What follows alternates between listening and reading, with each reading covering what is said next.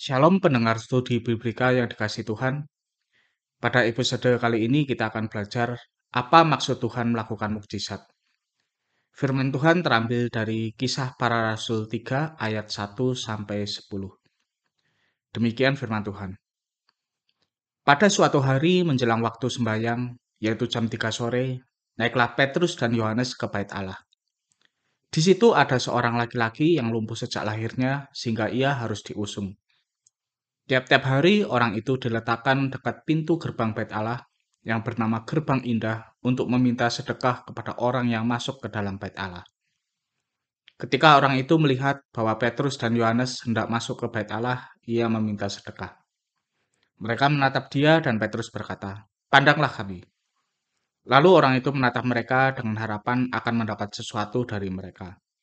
Tetapi Petrus berkata, "Emas dan perak tidak ada padaku, tetapi apa yang kupunyai kuberikan kepadamu. Dalam nama Yesus Kristus, orang Nazaret itu, bangkit dan berjalanlah. Lalu ia memegang tangan kanan orang itu dan membantu dia berdiri. Seketika itu juga kuatlah kaki dan pergelangan kaki orang itu. Ia melompat berdiri, lalu berjalan ke sana kemari dan mengikuti mereka ke dalam bait Allah. Sambil berjalan dan melompat-lompat serta memuji Allah. Semua orang melihat dia berjalan sambil memuji Allah, lalu mereka mengenal dia sebagai orang yang biasanya duduk meminta sedekah di gerbang indah bait Allah, sehingga mereka takjub dan tercengang tentang apa yang telah terjadi padanya. Amin. Mujizat atau kejadian ajaib yang sukar dijangkau oleh akal manusia merupakan sebuah fenomena yang sangat sering muncul di dalam Alkitab. Sampai sekarang pun masih banyak orang Kristen yang mengharapkan atau malah mengagung-agungkan mujizat. Bahkan banyak pengkhotbah yang menjadikan mujizat sebagai daya tarik utama ketika melakukan KKR. Apa sebenarnya maksud Tuhan dengan melakukan mujizat? Suatu kali Petrus dan Yohanes bertemu dengan seorang yang lumpuh kakinya sejak lahir. Orang itu tiap hari didudukan di pintu gerbang bait Allah untuk meminta-minta.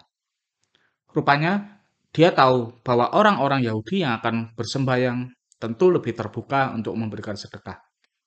Ketika orang itu melihat Petrus dan Yohanes, dia pun meminta sedekah. Apa yang terjadi kemudian sangat tidak disangka-sangka oleh orang itu. Petrus berkata bahwa dia tidak bisa memberikan emas dan perak, tetapi di dalam nama Tuhan Yesus, dia memberikan hal yang jauh lebih berharga. Setelah Petrus membantu orang itu berdiri, seketika itu juga kakinya dikuatkan.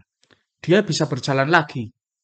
Bayangkan, Betapa senangnya orang itu yang sejak lahirnya belum pernah merasakan enaknya berjalan, sampai-sampai dia melompat-lompat sambil mengikuti Petrus dan Yohanes ke bait Allah. Menariknya, mukjizat tersebut digunakan Petrus untuk berkhotbah kepada orang-orang yang takjub melihatnya. Petrus mengatakan bahwa bukan kekuatannya, tetapi dalam nama Tuhan Yesuslah orang lumpuh tersebut bisa berjalan lagi. Kalau kita membaca di dalam bagian lain, di kisah para rasul ini kita juga melihat bahwa Petrus itu tidak mau memuliakan dirinya sendiri, tetapi dia menuntun orang untuk melihat kemuliaan Allah. Misalnya ketika Petrus ditemui Cornelius, Cornelius tersungkur di depan kaki Petrus dan menyembah Petrus. Tetapi Petrus mendekatkan Cornelius sambil berkata, Bangkitlah, aku hanya manusia saja. Kita bisa membacanya di dalam kisah para rasul 10 ayat 25 sampai 26. Petrus selalu meyakinkan orang banyak itu untuk mempercayai Yesus sebagai pengenapan Mesias dalam perjanjian lama. Singkatnya, Petrus menggunakan mukjizat itu untuk menuntun orang banyak pada pertobatan. Itu kita dapat melihatnya di dalam ayat 26. Dari kisah ini kita melihat bahwa mukjizat Tuhan saya pun percaya sampai sekarang mujizat masih bisa terjadi. Tujuannya adalah supaya orang-orang dapat mengenal kebesaran Tuhan dan membuat hati mereka berbalik kepada Tuhan. Ini pun yang ditunjukkan oleh Tuhan Yesus dalam pelayanannya. Mujizat yang tidak memiliki elemen ini dapat dipastikan bukan berasal dari Tuhan. Oleh sebab itu, kita harus berhati-hati dalam menyikapi mukjizat-mukjizat dalam tanda kutip yang terjadi pada saat ini. Jika seorang pengkhotbah mengaku bisa mengadakan mukjizat, namun ujung-ujungnya yang ditinggalkan adalah dirinya sendiri, maka kita bisa yakin mukjizat itu palsu atau malah berasal dari si jahat, iblis. Mana bisa Tuhan diperalat oleh manusia? Di sisi lain, ketika kita menerima mukjizat, kita pun harus memuliakan Tuhan. Jangan berhenti hanya menikmati mukjizat atau malah memuliakan diri sendiri dengan merasa diistimewakan Tuhan. Lihat orang lumpuh di dalam cerita ini. Dia mengharapkan uang sedekah, tetapi malah mendapat hal yang jauh lebih besar. Kesembuhankah? Bukan.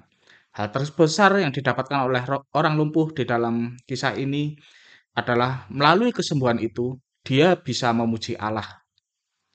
Seperti khotbah Petrus, ingatlah selalu bahwa mukjizat seharusnya menuntut kita pada Kristus dan menguatkan kepercayaan kita padanya. Tepatlah apa yang dikatakan oleh Yohanes di dalam Injil Yohanes 3 ayat 30, ia harus makin besar, tetapi aku harus makin kecil.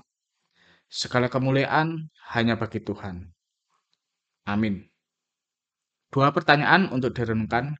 Yang pertama, Apakah kita boleh meminta mukjizat Tuhan untuk menyelesaikan permasalahan kita? Jelaskan jawaban Anda.